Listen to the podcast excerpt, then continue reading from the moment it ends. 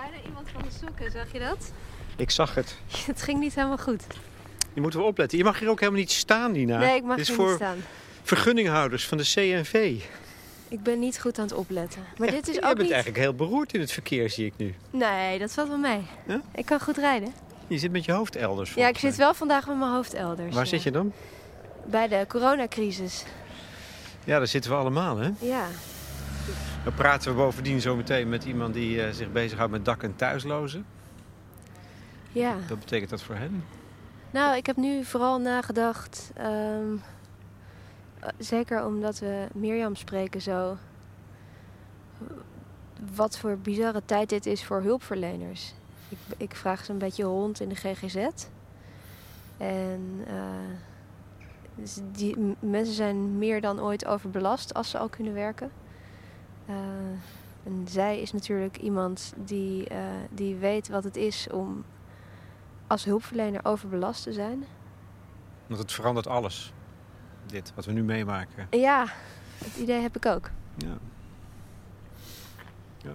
Nou, we zullen zien. Zij is eh, geestelijk verzorger bij het Leger des Heils. Wij staan nu bij het bedrijfsbureau van het Leger des Heils. Ja, dat is gewoon een kantoorpand dat ze delen met raden voor voortgezet onderwijs. Lager onderwijs, basisonderwijs. Een betrouwbare factor is dat in deze serie. Hè? Dat we bij de meest troosteloze kantoorpanden terechtkomen de hele tijd. Ja, niet alleen. niet alleen. Ja.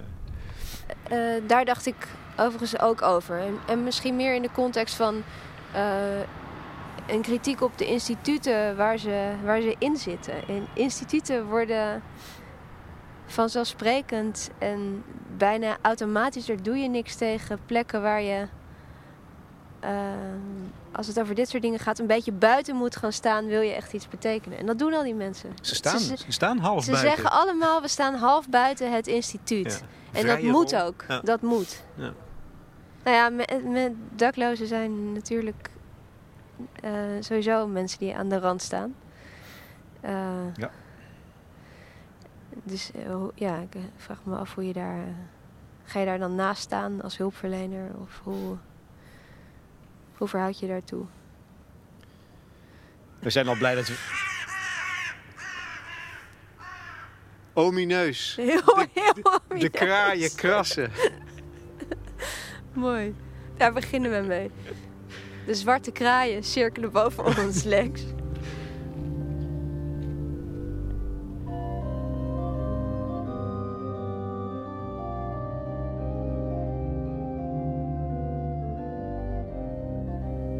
Staan bij station Utrecht-Overvecht. Het is 18 maart 2020. Dit is de dag nadat premier Rutte het land heeft toegesproken over de coronacrisis en ongewoon ingrijpende maatregelen heeft afgekondigd. Dit beheerst nu elk gesprek en de gehele samenleving. Dus ook in onze serie ontmoetingen met geestelijk verzorgers, de professionals van de zingeving, ontkomen we daar niet aan. We hadden al eerder met Mirjam Braakhuis willen afspreken, maar toen mailde ze dat ze thuis zat met klachten van overspannenheid. Ze was te veel over haar grenzen gegaan. Inmiddels is ze weer voorzichtig aan het werk getogen. En wij besluiten een wandelingetje te maken. De zon schijnt. Het zijn echt niet alleen maar saaie kantoorgebouwen die ons omringen. Langs het spoor ligt een parkje waar de krokussen massaal aan het bloeien zijn. De lente kondigt zich aan. De eerste vraag. Wat betekent die coronacrisis voor Mirjam Braakhuis als hulpverlener? Eh, ja, maar eigenlijk moet ik bekennen vooral thuis. Want ik heb twee kinderen op de basisschool. Dus die zijn thuis. Ja, maar jij mag dus, eh, jij mag werken van de overheid. ik mag werken, ja. Nou ja, Ja, je moet ehm, werken. ik, dat vind ik nog wel lastig. Of ik nou behoor tot de vitale beroepen. Ik zit natuurlijk in de zorg.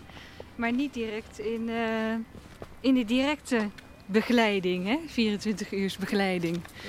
Eh, dus dat, dat is nog wel een beetje zoeken. Maar we worden als geestelijk verzorgers wel opgeroepen om er nu voor mensen te zijn. Hè? Want eh, ja, het roept natuurlijk allemaal vragen op en onzekerheid en spanning.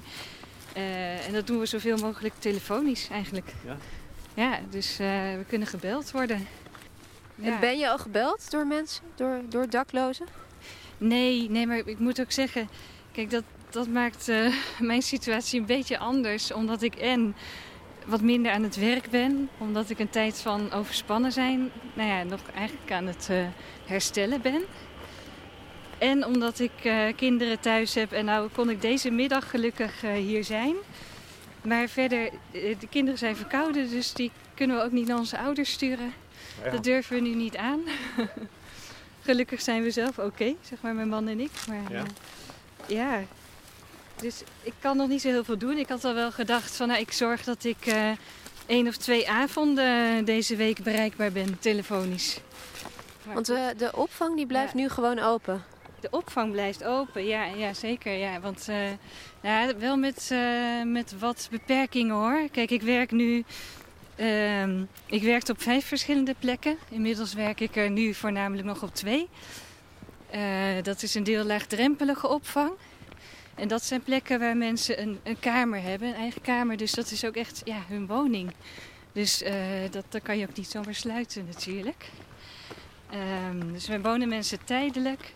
En dan werken, werken ze toe naar weer een eigen woning op den duur. He, dus uh, die, blijft, ja, die blijft gewoon sowieso open. Maar er is wel 24 uur begeleiding. Dus dat, uh, dat team is daar ook gewoon aanwezig. En dat, dan, uh, dat zijn overigens waarschijnlijk veel verslaafden ook die daarbij zijn, denk ik? In de laagdrempelige opvang ja en nee. Kijk, er, zijn, uh, is een andere vorm van opvang. Daar, dat zijn drie andere locaties waar ik ook tot voor kort in ieder geval heel veel heb gewerkt. Dat is beschermd wonen. En dat is wel een bijzondere vorm van opvang, want die is echt bedoeld voor mensen met een langdurige verslaving. Dus in die plekken beschermd wonen, meestal wonen er zo'n 20 mensen. Die hebben ook allemaal een eigen kamer, kunnen daar langdurig blijven. En dat zijn mensen voor wie het zelfstandig wonen ook gewoon heel moeilijk is. Uh, en die zijn al zo lang verslaafd dat het vaak heel moeilijk is om daarmee te stoppen. Dus, dus dat is het beschermd wonen. En de laagdrempelige opvang, ja, daar zie je een beetje een mix. Want er zijn ook, ook wel mensen die met verslaving te maken hebben hoor. Maar vaak in die setting gaan ze dan toch nog wel kijken of ze kunnen afkicken. Mm. En, uh, en of ze hè, weer kunnen toewerken naar werk of dagbesteding. En dan toch weer uh, naar het zelfstandige wonen toe. Ja. En dan is er nu nog de inloop en daar is nu, uh, ja, dat is heel lastig nu in deze tijden natuurlijk. Waarom? Uh, het is, dat is de dagopvang voor mensen die op straat zijn. Dus uh, er is natuurlijk een grote groep mensen die hebben eigenlijk ja, echt geen woonruimte. Ja. Dus die zijn aangewezen op de nachtopvang. Daar kunnen ze dan uh, s'avonds en s'nachts terecht. En s ochtends moeten ze eruit. En overdag kunnen ze naar de inloop om te douchen, om wat te drinken, naar de wc gaan, wat soep eten. En normaal gesproken kan je daar gewoon zitten en zijn. En, hè? Uh, er is een spreekuur van een dokter. Het stadsteam Herstel werkt daar. Maar die inloop, daar komen ze heel veel mensen bij elkaar. Ja. ja. En dat, dat moeten ze nu beperken. Dus uh, ja, die is, hij is wel open, maar beperkt. En iedereen mag daar tien minuutjes naar binnen. En dan weer naar buiten toe. Ja. Gelukkig is het nu enigszins mooi weer. Ah, het is niet zo heel strikt. dus uh, je wordt niet meteen weer de deur uitgeschopt. nee, maar het, het, gevoel van gevaar en risico zal daar heel groot zijn. Bij iedereen, denk ik. ik weet niet, we hebben natuurlijk voortdurend stromen informatie die we elkaar ook nog eens tegenspreken. Ik kan me voorstellen dat het de genade is als je er buiten staat. Dat je niks weet. Ja, dat, dat, dat is bijna onmogelijk, toch? Hier, uh, hier ja, hoe zit dat als je op straat leeft? Oh, nou nee, dan sta je niet buiten de samenleving. Nee, absoluut niet. Nee. nee, er is ook uh, heel veel contact onderling in ieder geval hè, bij uh, mensen op straat. Dus uh, in de inloop komen ze elkaar bijna allemaal ook wel tegen. je ziet dat er dan ook netwerken ontstaan en vriendschappen. mensen die elkaar helpen, met elkaar meedenken. Ja, en, en, dat er ook allerlei dwarsverbanden met de samenleving zijn. Zoals, nou ja, natuurlijk met Leger des Heils, maar ook met kerken of plekken waar mensen hm. dagbesteding doen of waar ze werken. Er zijn ook best wat mensen die, uh, die een baan hebben. Ja, dus uh, nee, ze zijn niet los van de ja. samenleving. Nee, zeker niet. Nee. We kunnen, als je doorloopt, kom je bij de, de Blauwkapel uit, ja, toch? Ja, dat is een heel leuk stukje. Ja. Dat halen we. Wat is dat? Uh, ja. Dat is een burcht, toch? Een van, een van de verdedigingswerken. Een fort, een fort ja, van de waterlinie. Ja. ja. Ja, ja het dorpje Blauwkapel. Ja. Met een heel schattig kerkje. Ja. Ah, dat is dat misschien wel een mooie. Ja. Nee, laten we daar naartoe lopen. Ja. Dat, is, eh, dat is mooi. Weet je, maar je hebt er eigenlijk niet zo direct nu, deze dagen, sta heb je iets meer afstand, begrijp ik. Dus zelf. ja, dat komt omdat ik zelf... eh, nou ja, in januari werd het werk me gewoon echt even te veel. Ja. Dus eh, ik liep er helemaal compleet in vast. Ik was alleen maar heel emotioneel. Dus dat, eh, dat werkte gewoon echt niet meer. Dus toen heb ik een hele tijd alles neergelegd. Althans, na een paar weken dacht ik... Ah, nu ga ik wel weer rustig beginnen. maar dat eh, liep toen eigenlijk nog mis. Dus Ja. ja. Het is best snel, weer, best snel Ja. weer ben je aan het werk gegaan dan. Ja, nee, ik wilde wel heel graag. Dat is natuurlijk een van de problemen, dat ik zo graag Ja. wil. En dan veel te hard van stapel loop. Dus eh, nou ja, dat eh, moest ik even echt een pas op de plaats en eh, heel rustig nu weer opbouwen. Maar ook het werk anders aanpakken. Want ik was eh, ja, op vijf verschillende opvanglocaties, waar ik dus net zo'n beetje wat over vertelde.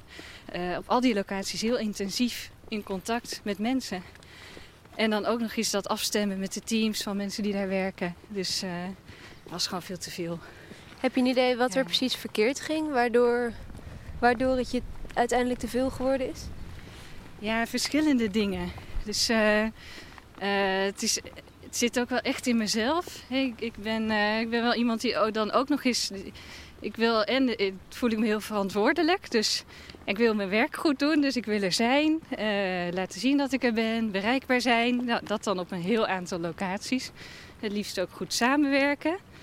En dan had ik ook nog wel een aantal ideeën. Dus ik was bezig met het opzetten van moreel beraad. Dus dat we een eh, hele club van gespreksleiders zouden gaan trainen. En dan kunnen teams op allerlei plekken eh, die laten invliegen, moreel beraad organiseren. Eh, nou ja, dus dat is, dat is een van de dingen. En daarnaast eh, ja, ging ik bijvoorbeeld ook in het team van onszelf als geestelijk verzorgers ben ik intervisie gaan organiseren. Ja, dus hele, hele leuke plannen. Daar word ik dan ook heel enthousiast van. Dus een beetje, op een gegeven moment had ik het overzicht helemaal niet meer. en een soort enorme opeenstapeling van werk. En eh, ja, gewoon niet meer kunnen overzien hoe ik dat nou allemaal moest doen. Maar op zich heeft het niet te maken zozeer met de aard van je werk als geestelijk verzorger. Nou, ook wel. Ja? Ja, ook wel. Dus dat is één ding hoor. En dat eh, staat er inderdaad wel los van. Dat ik zelf gewoon heel erg eh, werk over me afroep, denk ik. Ja. Maar eh, het, het andere is wel dat het en werk als geestelijk verzorger, tenminste zeker dan in, in mijn positie, is, kan ook best wel eenzaam zijn eigenlijk. Oh ja. Ja, omdat ik, eh, ik ben de enige in mijn functie op al die plekken. En eh, nou, we hebben wel een aantal geestelijk verzorgers en we zien elkaar één keer in de één of twee maanden wel. Maar dat is natuurlijk niet heel vaak. Eh, dus, Dus je staat er enorm alleen voor. Ja, en het is natuurlijk een vertrouwensfunctie. Dus alle verhalen, en dat zijn er nogal wat, die ik te horen kreeg, die zijn ook alleen voor mijn oren bestemd. Dus je, je kan dat ook niet echt makkelijk delen met een ander natuurlijk. Dat, eh, dat, dus daar voelde ik me ook wel alleen in hoor. Ja. Ja. Ja, dus ik denk dat dat wel een ander ding is wat heel erg meespeelde. Ja. Ja. Ah, dat, dat, daar kan ik me eigenlijk alles bij voorstellen. We komen nu bij een drukke weg. We zien daar het fort liggen. Links, zo? Links? Ja? De Darwin-dreef. Ach, wordt zin in neem. We struikelen bijna over de hardlopers hier. De stad werkt aan haar gezondheid. Kunnen we daar langs? Hier kunnen we niet in, maar we straatje daarachter. Ja, zullen we dat doen? Ja, Ja. oké. Ja. Maar is het dan, is de, hè, je werkt dan specifiek met daklozen, ehm, veel verslaafden. Is de problematiek zo groot? Dat als je daar heel vaak dezelfde verhalen hoort, en ik vermoed met een grote dosis uitzichtloosheid, Ja. dat dat, dat dat moeilijk is om te dragen voor jou. Nee, ja, dat klopt wel. Ja, dat, eh, dat zeker. Want zeker in het beschermd wonen, hè, dus waar eh, mensen met een langdurige verslaving wonen, ja, vond ik dat ook wel heel erg moeilijk hoor. Dan eh, zag ik wel dat, dat zo'n gesprek op zich echt ontzettend waardevol is. Want mensen kunnen... Oh, er komt wel een auto aan trouwens. Ja, nou ja. Die rijdt maar om ons heen, vind ik. Ah, dat doet hij vast We hebben ook een wel. microfoon, we zijn belangrijk. Ja. nee, dat, hè, dat aan de ene kant ontzettend bijzonder is, want eh, dat, dat mensen juist kwijt kunnen wat hen heel erg raakt. Hè, bijvoorbeeld iemand die, eh, de- die is 40 jaar, hartstikke stoere man. Ehm, maar zijn vader is overleden toen hij 12 was en had een enorm goede band met zijn vader. En hij is nog steeds boos. Hij is boos op God, eigenlijk boos op de hele wereld, dat zijn vader is Ja. overleden. En heel plotseling ook. Hè? Maar dat, dat vertelt hij aan, aan bijna niemand. Eh, dus dat, ja, dat, dat dat er dan mag zijn, dat iemand dat kan delen, is wel heel veel waard. Maar aan de andere kant, het is iemand die eh, aan de drank is, aan nogal meer soorten drugs. En het, zijn leven gaat waarschijnlijk niet echt veranderen. Dat, dat, het is iemand van in de 40, dus helemaal niet zo oud. En dat vind ik wel, dat, dat raakt me dan ook wel tegelijk heel erg, omdat je zo graag wat meer zou gunnen. En ook eh, contacten met familieleden. Vaak is dat heel erg verstoord. Eh, Hier s- links? ja, hier kunnen we in. Is dan je taak als geestelijk verzorger om, om te helpen dragen? En zij delen dingen met jou. En, Ja. Want, want de uit, het is niet echt eh, dat er een uitzicht is. Dus Nee, Is- is dat het? niet. Nee, dus, en, en dat, eh, ik denk dat dat wel mijn taak is. Ik vind het heel ingewikkeld. Ik weet nog wel dat in de opleiding dat er dan eh, gesproken werd over een perspectiefverruimende interventie. dat klonk wel ook altijd al zo prachtig. en dan eh, hoop ik, eh, hoop ik heel dat vaak klinkt echt als dat- drugs. Maar ja. Maar hoop ik heel vaak stiekem dat ik dan zoiets mag, mag doen. Hè? Of dat iemand eens een ander idee heeft of een andere kijk op zichzelf. Of, eh, maar dat, dat gebeurt heel weinig. Want ik spreek natuurlijk mensen die zo kwetsbaar zijn en vaak ook, eh, vaak ook licht verstandelijk beperkt. Dus ja, eh, op jezelf reflecteren, dat is nogal een opgave in zo'n situatie.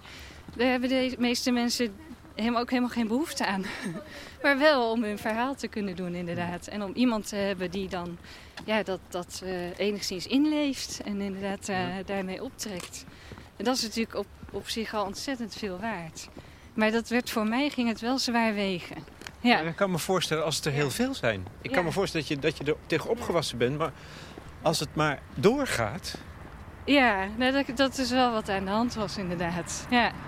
denk je dat mensen zelf weten dat er vaak geen perspectief is met die... Hoe, Ja, hoe nou staan ja. mensen daar zelf over het algemeen in? Ja, als ik dan eh, bijvoorbeeld even bij deze man blijf, om hem maar eventjes zo eh, anoniem aan te halen. Ehm, ja, die, die is eigenlijk al best wel oké met dat hij nu een plekje heeft voor zichzelf. Dat hij niet meer op straat is en dat hij een redelijk stabiel leven heeft. En die, ja, die denkt dan van, nou, ik heb het nu best wel voor elkaar. Het is oké zo. Ja. En dat is verschillend hoor. Want eh, ja, de een die zegt juist van, oh ik wil echt zo graag weer op mezelf. Terwijl aan alle kanten blijkt dat iemand echt niet meer zelfstandig kan wonen. En dat is dan wel heel schrijnend. En er zijn ook mensen die bijvoorbeeld ontzettend graag contact weer willen met hun kinderen. Maar waarbij de kinderen dat niet willen. Hè? Ik heb bij één vrouw ook veel gesprekken mee gehad. eh, ook contact met haar kinderen gezocht. In overleg met haar, met de begeleiding. Heel goed afgestemd. Waar de kinderen heel blij mee waren. Dus dat was ontzettend mooi om hen te spreken via de telefoon. Maar zij, eh, ja, die hebben nog heel veel tijd nodig om te komen tot toenadering tot hun moeder. Dat gaat niet zomaar. Vind je dat je daar een rol in moet spelen? Nee, nou als, eh, als iemand dat zelf, dat zelf wil. Ja.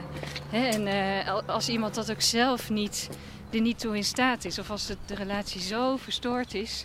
Dat, eh, ja, dat als iemand zelf contact zoekt, dat het dan eigenlijk niet gaat. Omdat er veel te veel spanning is. Dan kan ik er een rol in spelen. Maar ook alleen als, nou ja, als en iemand dat natuurlijk zelf, zelf eh, graag wil. Maar ook als er begeleiding erachter staat. Dat is ook heel belangrijk. Dus de woonbegeleiding die daar eh, echt elke dag op locatie aanwezig is. Ja, want de andere geestelijke verzorgers die we spraken, die zaten allemaal in, in instituten. Dus jij ook. En eh, de, de laatste die we spraken was bijvoorbeeld een rabbijn die eh, in een GGZ-instelling zijn werk doet. Ja. We komen toch ook steeds wel weer op de vraag: hoe vult jouw werk aan wat de andere mensen doen? Dus in, Ja. in hoeverre doe je iets anders dan die woonbegeleiders? Ja, ja dat, dat is ook wel een goede vraag. Ik merk wel dat. eh, eh, we staan hier even stil bij het kerkje. Ja. het is wel Het is, het is- mooi. het is een idylle, hè? er nog dit, dit is, dit is de idyllische kant van het bestaan, volgens mij. Er valt lentelicht op, op de bomen eromheen. Kleine huisjes. Het heeft iets van een dorpje hier. Kleine enclave. Spelen kinderen? Er spelen kinderen, er zitten wat mensen, ouders. Die, ja, die zijn ook, hebben ook niks te doen. Maar wat eh, geestelijk verzorger aan- aanvullend doet eigenlijk, hè? Dus, eh, Ja. Ja. ja. Wat, is, wat doe jij anders dan de woonbegeleiders bijvoorbeeld? Nou, kijk, eh woonbegeleider, dat zien we, die, die zijn elke dag op de locatie aanwezig. En die hebben ook een taak in, in alle regels eh, handhaven. Hè? Zorg, zeker op zo'n plek waar dus mensen met drugs bezig zijn. zijn ook gewoon heel veel regels. En die worden overtreden en dan wordt, moet daar weer over gepraat worden. Dus dat geeft ook vaak veel gedoe. Eh nou ja, er zijn de woonbegeleiders voor om dat allemaal een beetje goede banen te leiden. En natuurlijk zijn ze er ook voor het gesprek met mensen. Maar dat gaat voor een deel ook vaak over praktische dingen. Dus hoe staat het met financiën of met allerlei andere ja, meer zakelijke dingen. En natuurlijk voor een deel ook eh, hoe het met iemand gaat. Ehm, maar daar hebben ze en ja, niet, niet zo'n neutrale positie in. Want als woonbegeleider ben je toch heel sterk met allerlei gebieden bezig en met al die regels. En eh, hebben er ook wat minder tijd voor. Dus als geestelijk verzorger heb ik juist ja, die vrije rol, heel neutraal. Van de, er hoeft niks. Hè? Eh, ik oordeel niet. Mensen mogen alles zeggen. Ik vind het ook heel fijn aan mijn rol dat het niet uitmaakt of wat iemand vertelt waar is. Hoef ik ook niet te toetsen. Hè? Het is gewoon iemands beleving en die be- zo beleeft die persoon dat. En dat betekent niet dat ik helemaal de kant kies van die ander. Want ik kan wel wat vragen stellen. Of hè, eh, eh, soms wel zeggen van... joh, maar hoe zou jouw zoon of wie dan ook dat dan beleven? Of hè, dat ik die ander juist uitlok om zich in te leven in een ander. Of, maar ja, ik, ik respecteer vooral eh, de beleving van degene waar ik mee praat. Ja, dat staat voorop. Contact hebben. Ja, ja, ja en, en wel echt eh, aansluiten. En wat die ander bezighoudt, dat mag er gewoon zijn. En dat is natuurlijk in heel veel andere contacten... Ja, moet er toch een bepaald iets gebeuren? Of staat er wat op de agenda? En dan, eh, Het- ja. Het is zo opvallend, hè? Dat, dat komt telkens terug in de gesprekken die wij voeren. De vrije rol van de geestelijk verzorger. Je moet eigenlijk zelf je terrein afbakenen, vormen. Terwijl het gaat over iets wat zo belangrijk is. Dat vind ik, Ja, dat vind ik, een, een- dat vind ik ontzettend ambigu. Of Dat ambivalent. En ik denk, ja. ik, ma- maakt het dat moeilijker om, om dat werk goed te doen? Ja, vind ik wel. Ja, ik, ik vind het wel heel erg zoeken in... eh, zeker ook wel weer in mijn eigen... eh, aan de ene kant mag ik gelukkig de ruimte maken om een uur rustig bij iemand te gaan zitten. hè, Dat, dat hoe super. heerlijk eigenlijk. Ja. Ja. dat is geweldig. En dan bij die persoon kan het hele gesprek gaan over waar het nou echt om gaat in het leven van die persoon. Dus dat is prachtig. Maar aan de andere kant eh, ja, heb ik overal maar zo weinig tijd op elke plek waar ik kom. En eh, is het heel erg afwegen. Eh, hoe maak ik mezelf bekend? Hoeveel tijd steek ik daarin? En in afstemming met het team. Eh, hoe- ja, hoe- dan ga ik naar die persoon wel, maar die, die andere pers- persoon niet. Eh, dat, dat vind ik heel ingewikkeld om dat goed af te wegen. Ik heb niet voor iedereen die tijd. Dus, Want hoe dat, vinden ja, mensen je? Ja, dat. dat ik denk in het grootste aantal gevallen dat ik zelf kom kennismaken. En vaak, want dat is dan om een beetje voorselectie te maken, vraag ik bij de woonbegeleiding van joh, bij wie is het nou goed om eens langs te lopen? Bij wie hebben jullie de indru- indruk van joh, die kan wel eens behoefte hebben aan een gesprek. Eh, en en eh, nou ja, er, er wordt ook wel, hè, er zijn wel flyertjes die worden uitgedeeld. Als iemand in de opvang komt, dan krijgen ze een A5'tje met info over de geestelijke verzorging. Dus af en toe dan krijg ik een telefoontje of een berichtje van iemand van joh, kunnen we een afspraak maken? Of belt een woonbegeleider mij weer op. Zo, eh, ja, zo wisselt dat een beetje elkaar af. En ik heb ook wel wat groepsactiviteiten, zoals in de inloop een wekelijkse gesprekstafel. Dat doen we met meerdere gespreksleiders die elkaar afwisselen. En eh, muziekavonden. Dus dan kijken we gewoon naar YouTube, naar nummers. En, en mensen noemen een nummer dat hun aanspreekt. En dan hebben we het over waarom, waarom vind je dat nummer zo mooi? Mooi. Of doet het je ergens aan denken? Of, Dat eh, maakt veel los, denk ik. ja, ja, dat zijn wel heel bijzondere avonden. Ja. En dan aan de hand daarvan leer je ook weer mensen kennen. En kan ik ook zien van, joh, nou, misschien is het goed als ik bij jou nog eens één op één langs ga. Heb je daar een voorbeeld Zo. van? Ja, Dat je nu te binnen schiet? van zo'n eh, Ja. muziekavond dat ik daarna... Of een muziekstuk of een lied of een liedje. Hè? Dat iets Oh, losmaakt. Waar... Ja, nou, het is wel gewoon wel heel bijzonder dat... ehm, dat, dat vind ik echt zo geweldig bij die muziekavonden. Er komt echt van alles voorbij. En er zijn mensen met allerlei achtergronden. Dus ook eh, Syrische muziek en Ethiopisch. En echt, echt van, dat is al heel mooi dat die diversiteit zo groot is.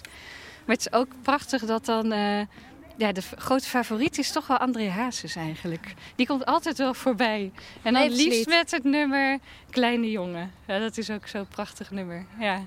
Dat, eh, de, dus in opvang zitten veel mannen. Vaak ook veel mannen die op dat moment eh, alleen zijn. Hè. eh, en die worden echt wel geraakt door dat lied. En wat Ja. zegt dat?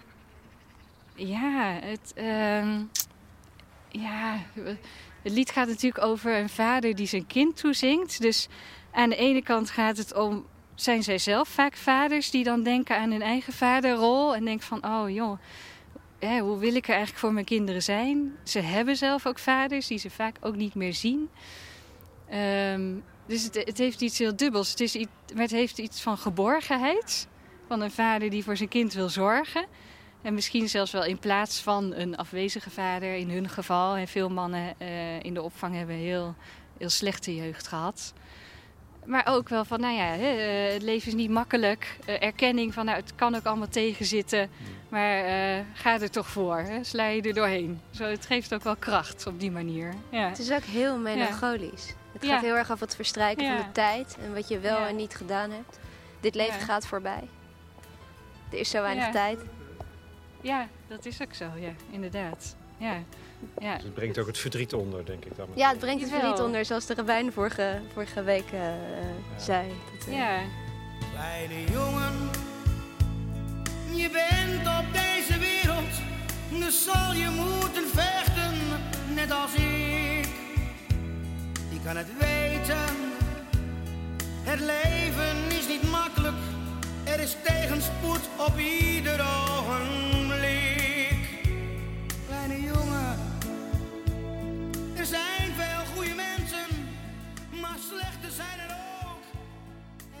Maar de, eh, de grootste, als ik jou zo hoor, Mirjam, de grootste tragedie lijkt wel precies te zijn dat het, het verbreken van het contact met kinderen.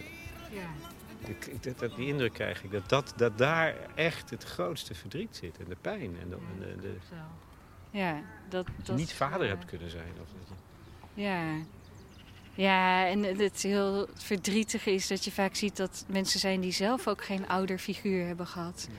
Dat bij hen zelf de ouder bijvoorbeeld verslaafd was, of crimineel, of allebei, of gewoon afwezig. En dat het hen zelf heel moeilijk lukte door allerlei omstandigheden om er voor hun kinderen te zijn. geweld. Ja, ja, ja absoluut. Ja, dat, ja, En, en, ja. en wat is dan jouw antwoord? Ja. ja, het is, en- het is, ja, ik dacht, je- wanneer, wanneer, wanneer ga ik dat nou vragen? We praten nu een half uur met elkaar. En we krijgen een, echt, een, echt wel een heel indringend beeld van wat je doet. En hoe waardevol het is. Ook hoe zwaar het is. Je bent het ook gaan doen om een, om een bepaalde reden. Omdat je iets wil geven. Of eh, je wordt zelf gedragen door je geloof, denk ik. Anders word je ja, niet, Ja, ja, ja, ja, anders word je niet, werk je niet bij het leger des. Dus, dus wat kan je geven? Zelfs daar nog. Wat probeer je te doen? Ja, ja in, in zo'n situatie van geen contact meer hebben, eh, gaat het in de eerste plaats om, om dat echt willen horen. Hè? Want als iemand zoveel pijn ervaart, eh, vaak kunnen willen mensen dat niet echt horen. Of er niet echt bij zijn. Dus daar in de eerste plaats maar eens echt bij willen zijn. En dat ook eigenlijk zelf een beetje meevoelen, meedragen. En ja, de, nou ja, soms kan er ook gewoon echt niet meer dan dat. En soms ook wel. Dan, eh, eh, zoals, ja, so- soms kan je samen zoeken naar... zijn er openingen, zijn er mogelijkheden nog tot contact? Of inderdaad is er steun, in ieder geval dan steun te vinden. Bijvoorbeeld in bepaalde bronnen van geloof. Hè, dat, eh, ja, maar dat, ik, daar ben ik wel heel terughoudend in. Gewoon, eh, maar vooral heel erg die pijn erkennen, dat is ontzettend belangrijk. En kijken hoe, hoe staat iemand daar zelf in. Want, ja, Hoe kun je dat doen? Hoe kun je... Ik vraag me dat af. Heel, heel concreet. Hoe, hoe doe je dat? Wat doe je dan? Wat doe je niet? Als je erbij bent. Als iemand heel erg verdrietig is. Gaat het dan om het kijken naar iemand? Of je mond houden? Ja, dus wel het, eh, het contact heel duidelijk houden. Bijvoorbeeld door te kijken. Eh, soms misschien wel iemand even een arm op de schouder. Of veel ruimte laten. Dus zelf eh, af en toe een vraag stellen. Of teruggeven wat iemand zegt. Gewoon herhalen wat iemand zegt. Hè, of het net in andere woorden. Eh, en het ook wel tot jezelf laten doordringen. Dat vind ik wel een heel belangrijk. Hè? Dat je het dus echt serieus neemt. En dus ook zelf voelt wat iemand vertelt. Ja, dan, dan ben je er denk ik echt bij. Ja, je, moet het, je moet het tot je toelaten. Ja. En dat is, Ja. dat is, vind ik wel ongelooflijk krachtig als je dat kan hoor. En bewonderenswaardig, want dat is nogal wat. Als je dat iedere keer opzoekt. Ja, Moet nou opzoeken. Ja, dat, dat klopt. Dat, dat was denk ik ook wel een van de dingen die me ook wel ging opbreken. Eh, niet eens zozeer dat, eh, dat verdriet. Want aan de andere kant is het, is het in zichzelf ook wel weer helend. Als het verdriet er mag zijn. Ja. Dat is heel paradoxaal. Maar en dat, dat merk je ook op zo'n moment. Dat, dat het dus ook iets heel goeds is. Dat, er- ook al is die pijn vreselijk, maar dat het er mag zijn, is een goed iets. Eh, maar tegelijk ging het op mij wel steeds zwaarder wegen van het verdriet en die pijn. En mensen komen uiteindelijk ook niet heel erg veel verder in hun situatie. Dat, het is ook wel heel erg veel aanmodderen. En, en eh, nou ja, eh, ze blijven toch maar in hun gebruik. En daar echt los van komen is gewoon zo'n enorme uitdaging. Eh, dat, ja, dat, dat vraagt zo enorm veel. Want het is natuurlijk een vlucht geweest vaak uit van alles en nog wat. En als je daarmee stopt, ja, wat hou je dan over? Vooral die pijn.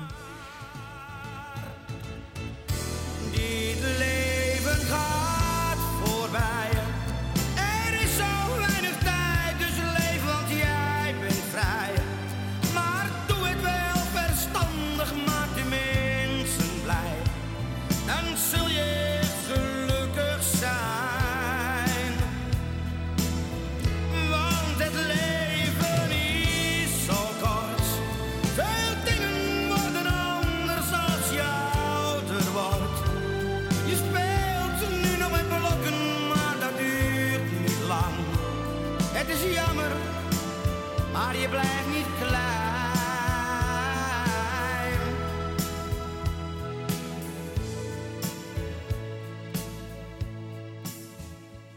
Kleine jongen.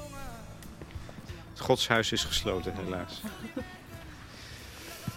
Dat, zal, dat, dat is voor jou toch zelf een bron van steun en kracht, je eigen geloof, daar, tot precies daar, in die post in de samenleving. Ja, ja, dat, ja, dat klopt ook. Hoewel het ook altijd wel weer zoeken is, Ja? vind ik. Ja, Eh, aan de ene kant eh, ja, zit het wel heel diep in mij dat, eh, dat God hoe dan ook overal bij aanwezig is. Dus ook in iedereen. En dat, dat vind ik geweldig, want daardoor ja, kan ik God eigenlijk elk moment ontmoeten. In wie ik dan ook maar tegenkom. En in de natuur. Dus dat geeft wel heel veel kracht. Ja, En, en is God dan een gestalte voor jou of een kracht? Of hoe zie jij dat? Ja, ik, ik zie God echt als de bron van leven. Dus eh, levensadem hè, die, die in ons stroomt. En wat mij betreft is God het begin van al het leven. Dus eh, hoe dan ook zijn we met God verbonden. En hoe je God ook wil noemen. Hè. Ik zie God eigenlijk als het leven zelf.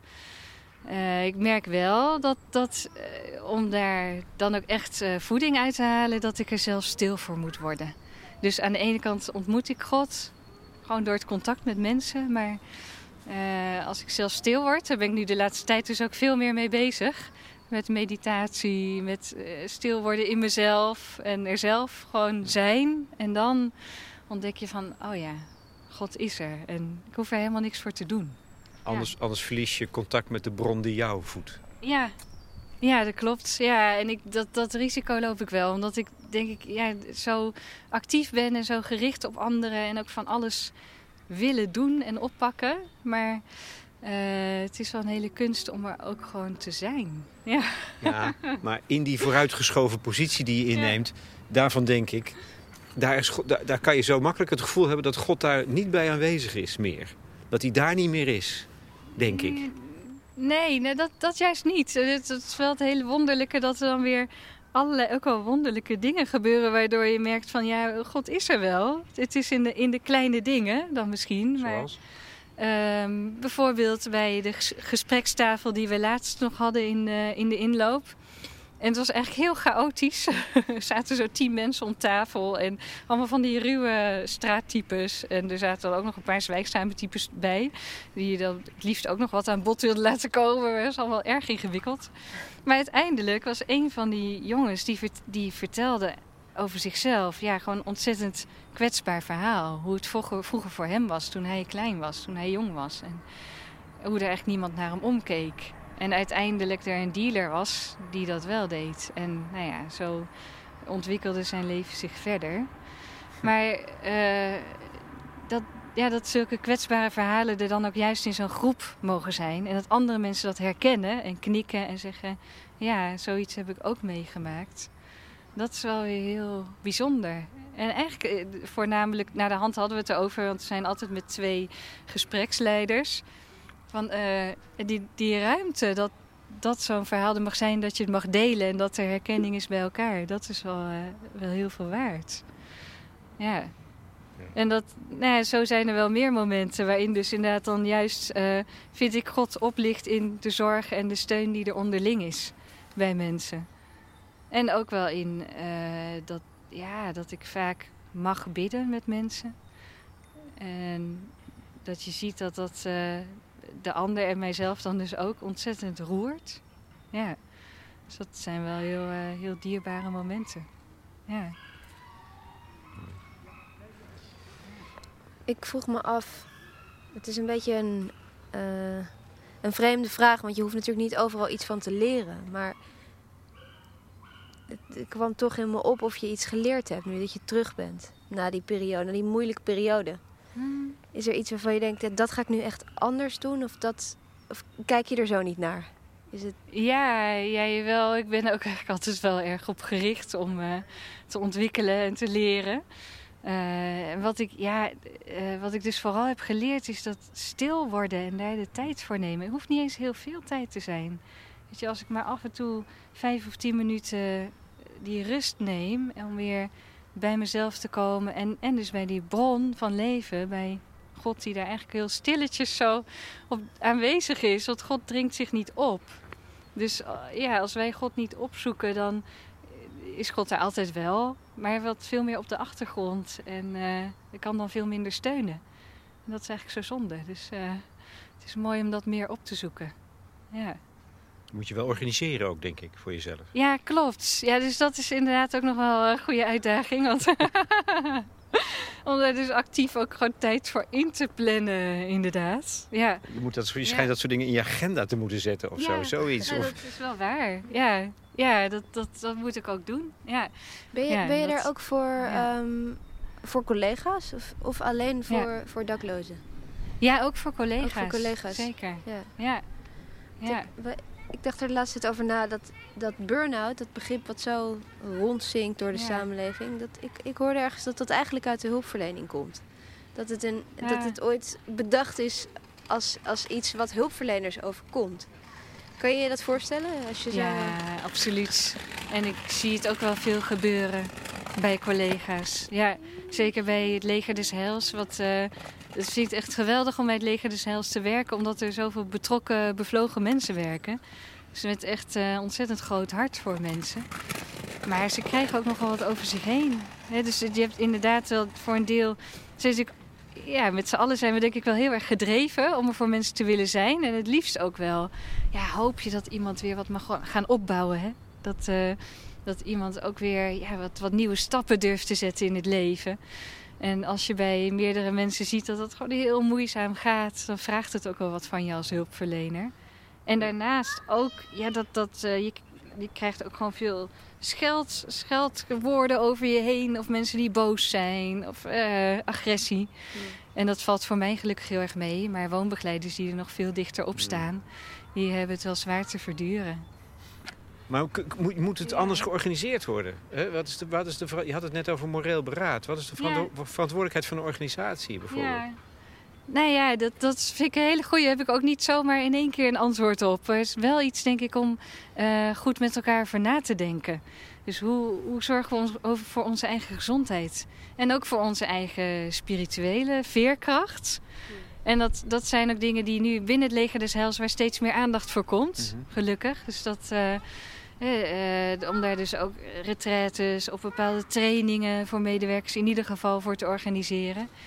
Een moreel beraad is inderdaad ook zoiets dat, eh, wat je helpt om met elkaar mo- moreel dilemma uit te pluizen. En dus ook van elkaar binnen een team te horen, eh, waar sta ik eigenlijk voor? Eh, waar, waar doe ik het voor? Welke waarden zijn voor mij nou echt belangrijk? Eh, en dat helpt weer dat je van elkaar hoort van, oh jij staat er zo in en jij zo. En nou ja, dan, dan kan je elkaar makkelijker begrijpen en makkelijker samenwerken. Dus eh, daarvoor is zo'n moreel beraad ook weer heel behulpzaam. Ja. En wat voor soort vragen leggen jullie dan aan elkaar voor? Heb je een voorbeeld? In een moreel beraad. Eh, even denken hoor. Ja, eh, bijvoorbeeld, dat, dat komt veel voor. Er zijn best wel wat, zoals de laagdrempelige opvang en ook andere vormen van opvang, waar mensen in huis niet mogen gebruiken. Dan mogen ze geen drugs gebruiken. Maar er zijn toch altijd wel wat mensen die wel drugs gebruiken en dat ook in huis doen. En hoe ga je daar nou mee om? Eh, kan, het, kan het dan zo zijn dat iemand uiteindelijk over moet, moet verhuizen? Of eh, moeten allerlei sancties worden bedacht? Of, nou ja, eh, en wat staat dan bovenaan? Hè, eh, de, de veiligheid op de groep. Of ja, dat die persoon ook zijn Hmm. eigen keuzes heeft. Nou ja, allerlei. Dus dat is een van de dilemma's die je wel heel veel tegenkomt. Ja, maar een andere kan zijn, wat als iemand nou ja, heel boos is geweest of agressief, mag je iemand dan een time-out geven? Dus een paar dagen de deur wijzen.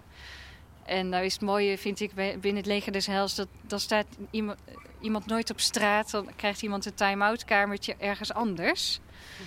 Ehm, ja, dus ik, eh, zij hebben altijd wel onderdak. Maar het, is, het voelt, kan voor mensen heel heftig aankomen. Het kan als een afwijzing voelen van, oh, ik mag hier niet zijn. En dat versterkt misschien wel weer die agressie als diegene weer terug is. Dus hoe, ja, wat, wat is daar dan het meest van waarde? Hoe, hoe, er staan natuurlijk allerlei eh, belangen staan er op het spel van allerlei mensen die betrokken zijn. Zo'n moreel beraad helpt dan ook wel om te kijken wie zijn er eigenlijk überhaupt betrokken en wat hebben ze dan voor belangen, al die verschillende mensen? Wat speelt er nou allemaal mee? Ja. Ja, Als je bewust wordt Ja. van wat je motiveert in je, in je gedrag, in je handeling, denk ik. ja dus dat buitengewoon voor- zinvol ja. is. Ja, Ook heel zingevend zelfs. Ja, dat, dat is ook zo. Ja, en het is wel eh, eigenlijk wel bijzonder. Want de teams van woonbegeleiders zijn natuurlijk zo ook wel van het praktisch gewoon zorgen dat, we- dat we de dag goed doorkomen. Hè. Eh, er is meestal niet zoveel ruimte om het dan met elkaar te hebben over wat vind je van waarde. Of waar geloof je in. Of waar, eh, eh, dus het is wel heel mooi als je dat gesprek wel kan hebben. Maar het is ook spannend.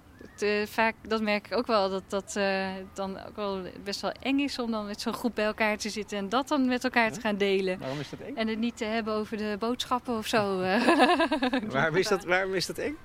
Ja, nee, ik, ik vind het zelf niet zo eng.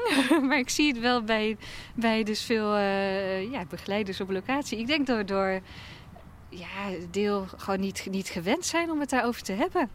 Ja, en het is wel iets persoonlijks. Het is iets van jezelf. Ja. Het raakt, zit wel diep wat je, waar je in gelooft of waar je voor staat. Dus durf je dat dan ook te delen? Ja.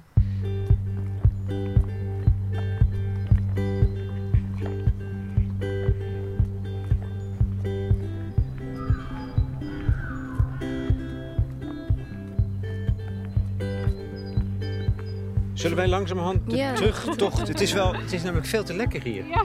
Ik, ik wil best blijven staan. doen. Struikel niet over dat kinderfietsje, Nina. Het is echt het dorp hier. Dit is een, een klein Het is dorpje. een heel klein dorpje. Ja, echt heel schattig. Ja. Ik, jij zei net, eh, Mirjam, dat het soms eenzaam kan voelen. Omdat je zoveel te doen hebt. Je bent dus een van de weinige geestelijk verzorgers bij het leger hier. In de, in de opvang. Terwijl je zou zeggen, Ja. bij het leger des Heils zijn ze eigenlijk allemaal geestelijk verzorger. Ja, je- ja. Is, dat niet, is dat niet raar? Zou, je niet, zou het er, zouden het er dus niet veel meer moeten zijn? Ja, nee, dat, dat is ook wel zo. En het is ook zo dat we, ehm, dat, we dat ook wel delen met, met iedereen die bij het leger des Heils Ja. werkt. Je deelt wel die gezamenlijke inspiratie. Dus eh, ja, we zijn, dat vind ik ook wel heel bijzonder. Eh, alle medewerkers zijn christen en wel heel, heel divers vanuit allerlei verschillende kerken en achtergronden. En heel verschillend hoe mensen geloof beleven. Ehm, maar het, het blijft, eh, dat wordt ook binnen het leger des Heils gezegd, van we willen mensen zien als een geheel. Hè, En, dus, eh, en ook kijken naar zingeving en wat, wat dan zin geeft in het leven van de mensen die we begeleiden. Dus dat, dat doen we ook zeker met z'n allen. En tegelijk merk je dus wel dat ik, ja, als geestelijk verzorger heb je die neutrale vertrouwenspositie die, die eigenlijk verder bijna niemand heeft. Daar valt iets aan te doen, zou ik zeggen. Ja, dat, dat- dat zou mooi zijn. Ja, ja. Nee, dat, dat zou ik wel toejuichen. Als wij eh, met iets meer mogen zijn, inderdaad. Ja, binnen de geestelijke verzorging. Ja, zeker. Ja. Follow, follow the sun, and which way the wind blows when this day is done. Breathe, breathe in the air. Ja, geestelijke verzorging is, het is een kleine beroepsgroep. Ja. Dus veel mensen weten niet zo goed wat geestelijke verzorging inhoudt. En het is ook voor een deel onzichtbaar werk. Want het is natuurlijk vooral één op één in gesprek met mensen. Wat vertrouwelijk is. Wat je niet kan delen. Dus eh, je kan heel moeilijk laten zien wat je nou precies aan het doen bent. Hè? Het is onzichtbaar Ja. werk. Dat vind ik wel een goede term ervoor ook. Ja, voor een groot deel. Hè? Want voor, eh, voor een ander deel is het juist wel weer zichtbaar als je dan Ja. met groepen bezig bent bijvoorbeeld. Eh, maar ja, voor een deel. En ook wel omdat heel veel geestelijk verzorgers eigenlijk net als ik ja, bijna een eenling zijn. Of met een paar collega's in een enorme organisatie. Bij het leger des Heils, ja. Ik denk in Midden-Nederland, hoeveel mensen werken er? Zo'n 700 of zo. Ja. Of nogal meer. En er zijn met, eh, met vier geestelijk verzorgers in de hele provincie. Ja. Dus dat is gewoon heel weinig. Follow, follow the sun, the direction of the birds, the direction of love. Breathe, breathe in the air. Cherish this moment, cherish this breath. Tomorrow's a new day for everyone. Wat ik wel heel veel zie bij mensen die ik spreek, eh, dat ze het idee hebben van, eh, ja, ik, ik hoor er niet meer bij. Hè? Ik mag er niet meer zijn en mensen willen mij liever niet zien. Want ze worden natuurlijk eigenlijk best veel gezien op straat. Ja. Maar Maar eigenlijk niet. Mensen willen hen niet zien, willen, hè, eh, willen eigenlijk niks met, met Ja. hen. En ik weet nog wel een voorbeeld inderdaad, dat was ook bij de gesprekstafel. Dat een, eh, een wat oudere man toen ook zei, die had het erover dat hij heel vaak verdwaalde in de stad. En die heel laconieks van ja, ik verdwaal eigenlijk best vaak en dan zoek ik een beetje de weg. En een ander zei, ja maar dan kan ik de weg vragen. Doe je dat wel eens? Vraag je wel eens de weg? Toen zei hij nee, want ik heb het idee dat mensen dat niet prettig vinden als ik hen aanspreek. En dan vinden ze mij een vieze oude man. En ja, dat, dat raakt ons allemaal wel heel erg. Eh, En, en tegelijk ook wel iets van herkenning van jeetje, ja. De, als je op straat loopt, dan heb je dat dus heel gauw. Ik heb het van veel mensen gehoord hoor. Ook van anderen. Bijvoorbeeld eh, iemand, een grote man, die zei... eh, ja, als je mij normaal tegen zou komen op straat, dan zou je een blokje omlopen. En ik zat met hem op zijn kamer te praten. Maar ja, die had gewoon dat beeld van mensen willen mij niet zien. Of mensen willen mij niet helpen. En bij die gesprekstafel was het wel ontzettend mooi dat we toen, wij toen ons beeld van die man aan hem konden teruggeven. Een ontzettend vriendelijke, zachtaardige man. En heel mooi dat hij erbij was bij ons. En dat wij hem dus wel echt konden zien zoals hij was. En ik denk dat dat ook een heel belangrijk deel is van de geestelijke verzorging. Om dat iemand gewoon mag zijn zoals hij is. Dat het goed is. En dat je echt gezien wordt zoals je bent. En dat is wel voor mensen op straat, eh, ja, is dat wel heel belangrijk. Ja. Het is, eh, we zijn op weg terug naar het startpunt. Het bedrijfsbureau van het leger des Heils. Ik weet dat Nina altijd een hekel heeft als ik, dit, als ik het nu vraag. Maar, maar ik doe het toch. Vraag het maar. Ik weet al wat het is. Wat, is dan, wat zou ik dat nu vragen, denk jij? Nu gaat Lex vragen wat de zin van het leven is. Precies. Ja, dat is inderdaad, dat moet ik toegeven, dat is inderdaad wat ik je nu wil vragen. Ja. We hebben nog even. Dus, eh, dit, eh, Ik, eh, ik- oh, ik mag een heel lang verhaal vertellen hierover. dat soort... Ja, ehm, ik, ik ben de laatste tijd sowieso denk ik, ik, ik kan niet zomaar voor iedereen verkondigen wat de zin van het leven is. Dat kan ik alleen voor mezelf, Ja. wat mijn eigen Ja. visie daarop is. En ik ben de laatste tijd wel erg gegrepen door het idee dat er uiteindelijk twee emoties zijn in het leven die, ja, die ten diepste je motiveren. De- Liefde en angst. En daarbij zie ik liefde als de, kracht die van God afkomstig is. Hè, die, eh, ja, die ook leven geeft. Maar angst is ook heel, heel reëel. Ehm, en dat, ja, ik- denk ik ook, eh, hè, daar heeft God ook ruimte voor gemaakt. Misschien juist wel zodat we liefde kunnen ervaren. Maar ik zie de zin van het leven dus als ja, eigenlijk een persoonlijke reis of een, een weg gaan. Met elkaar samen natuurlijk ook. In het zoeken naar hoe kunnen we angst overwinnen en liefde laten groeien. Ja, zo zou ik het willen samenvatten, denk ik. Dankjewel. Dankjewel. Ja. Mooi. We kunnen het op de proef stellen de komende tijd. Ja, het zal, het zal op de proef gesteld worden, denk ik. Hè? Ja, dat is zo. Je rijdt nu een, een auto met camera's door dit laantje. Cyclomedia. Visualize a better world. Ik ben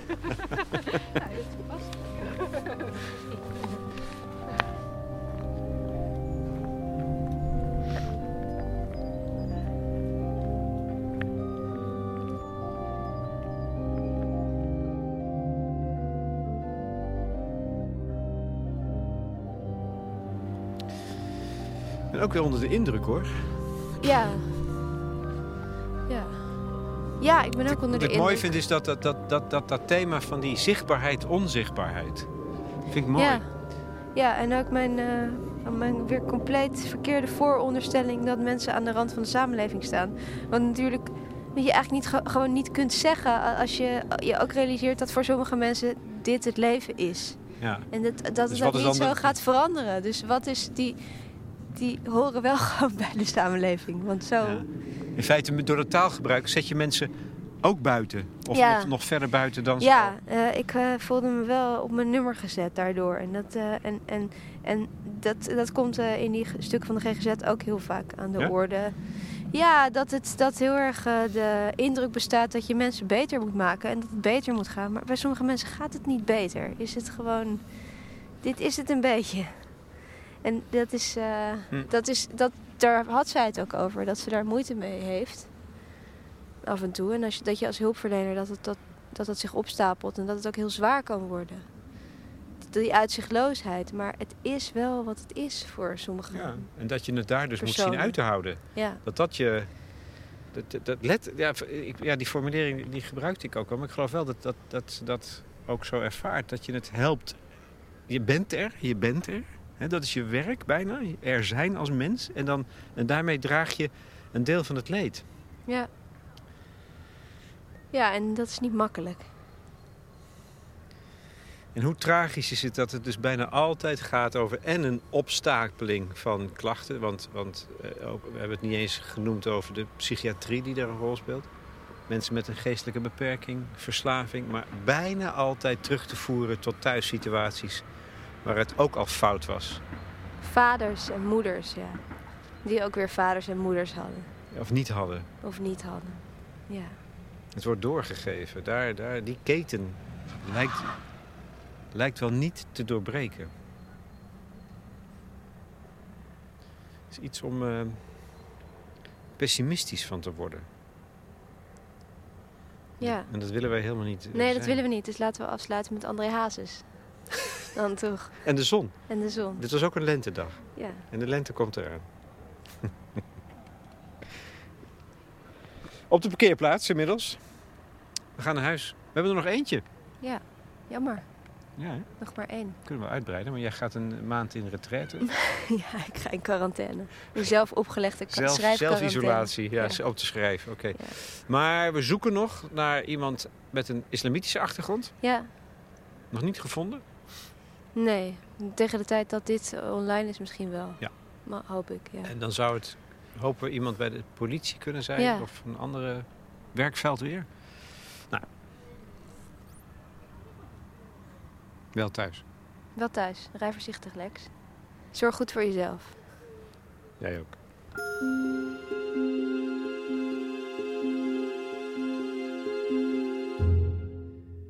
Dit was Mirjam Braakhuis, geestelijk verzorger bij het Leger des Heils, in gesprek met Nina Polak en Lex Bolmeijer.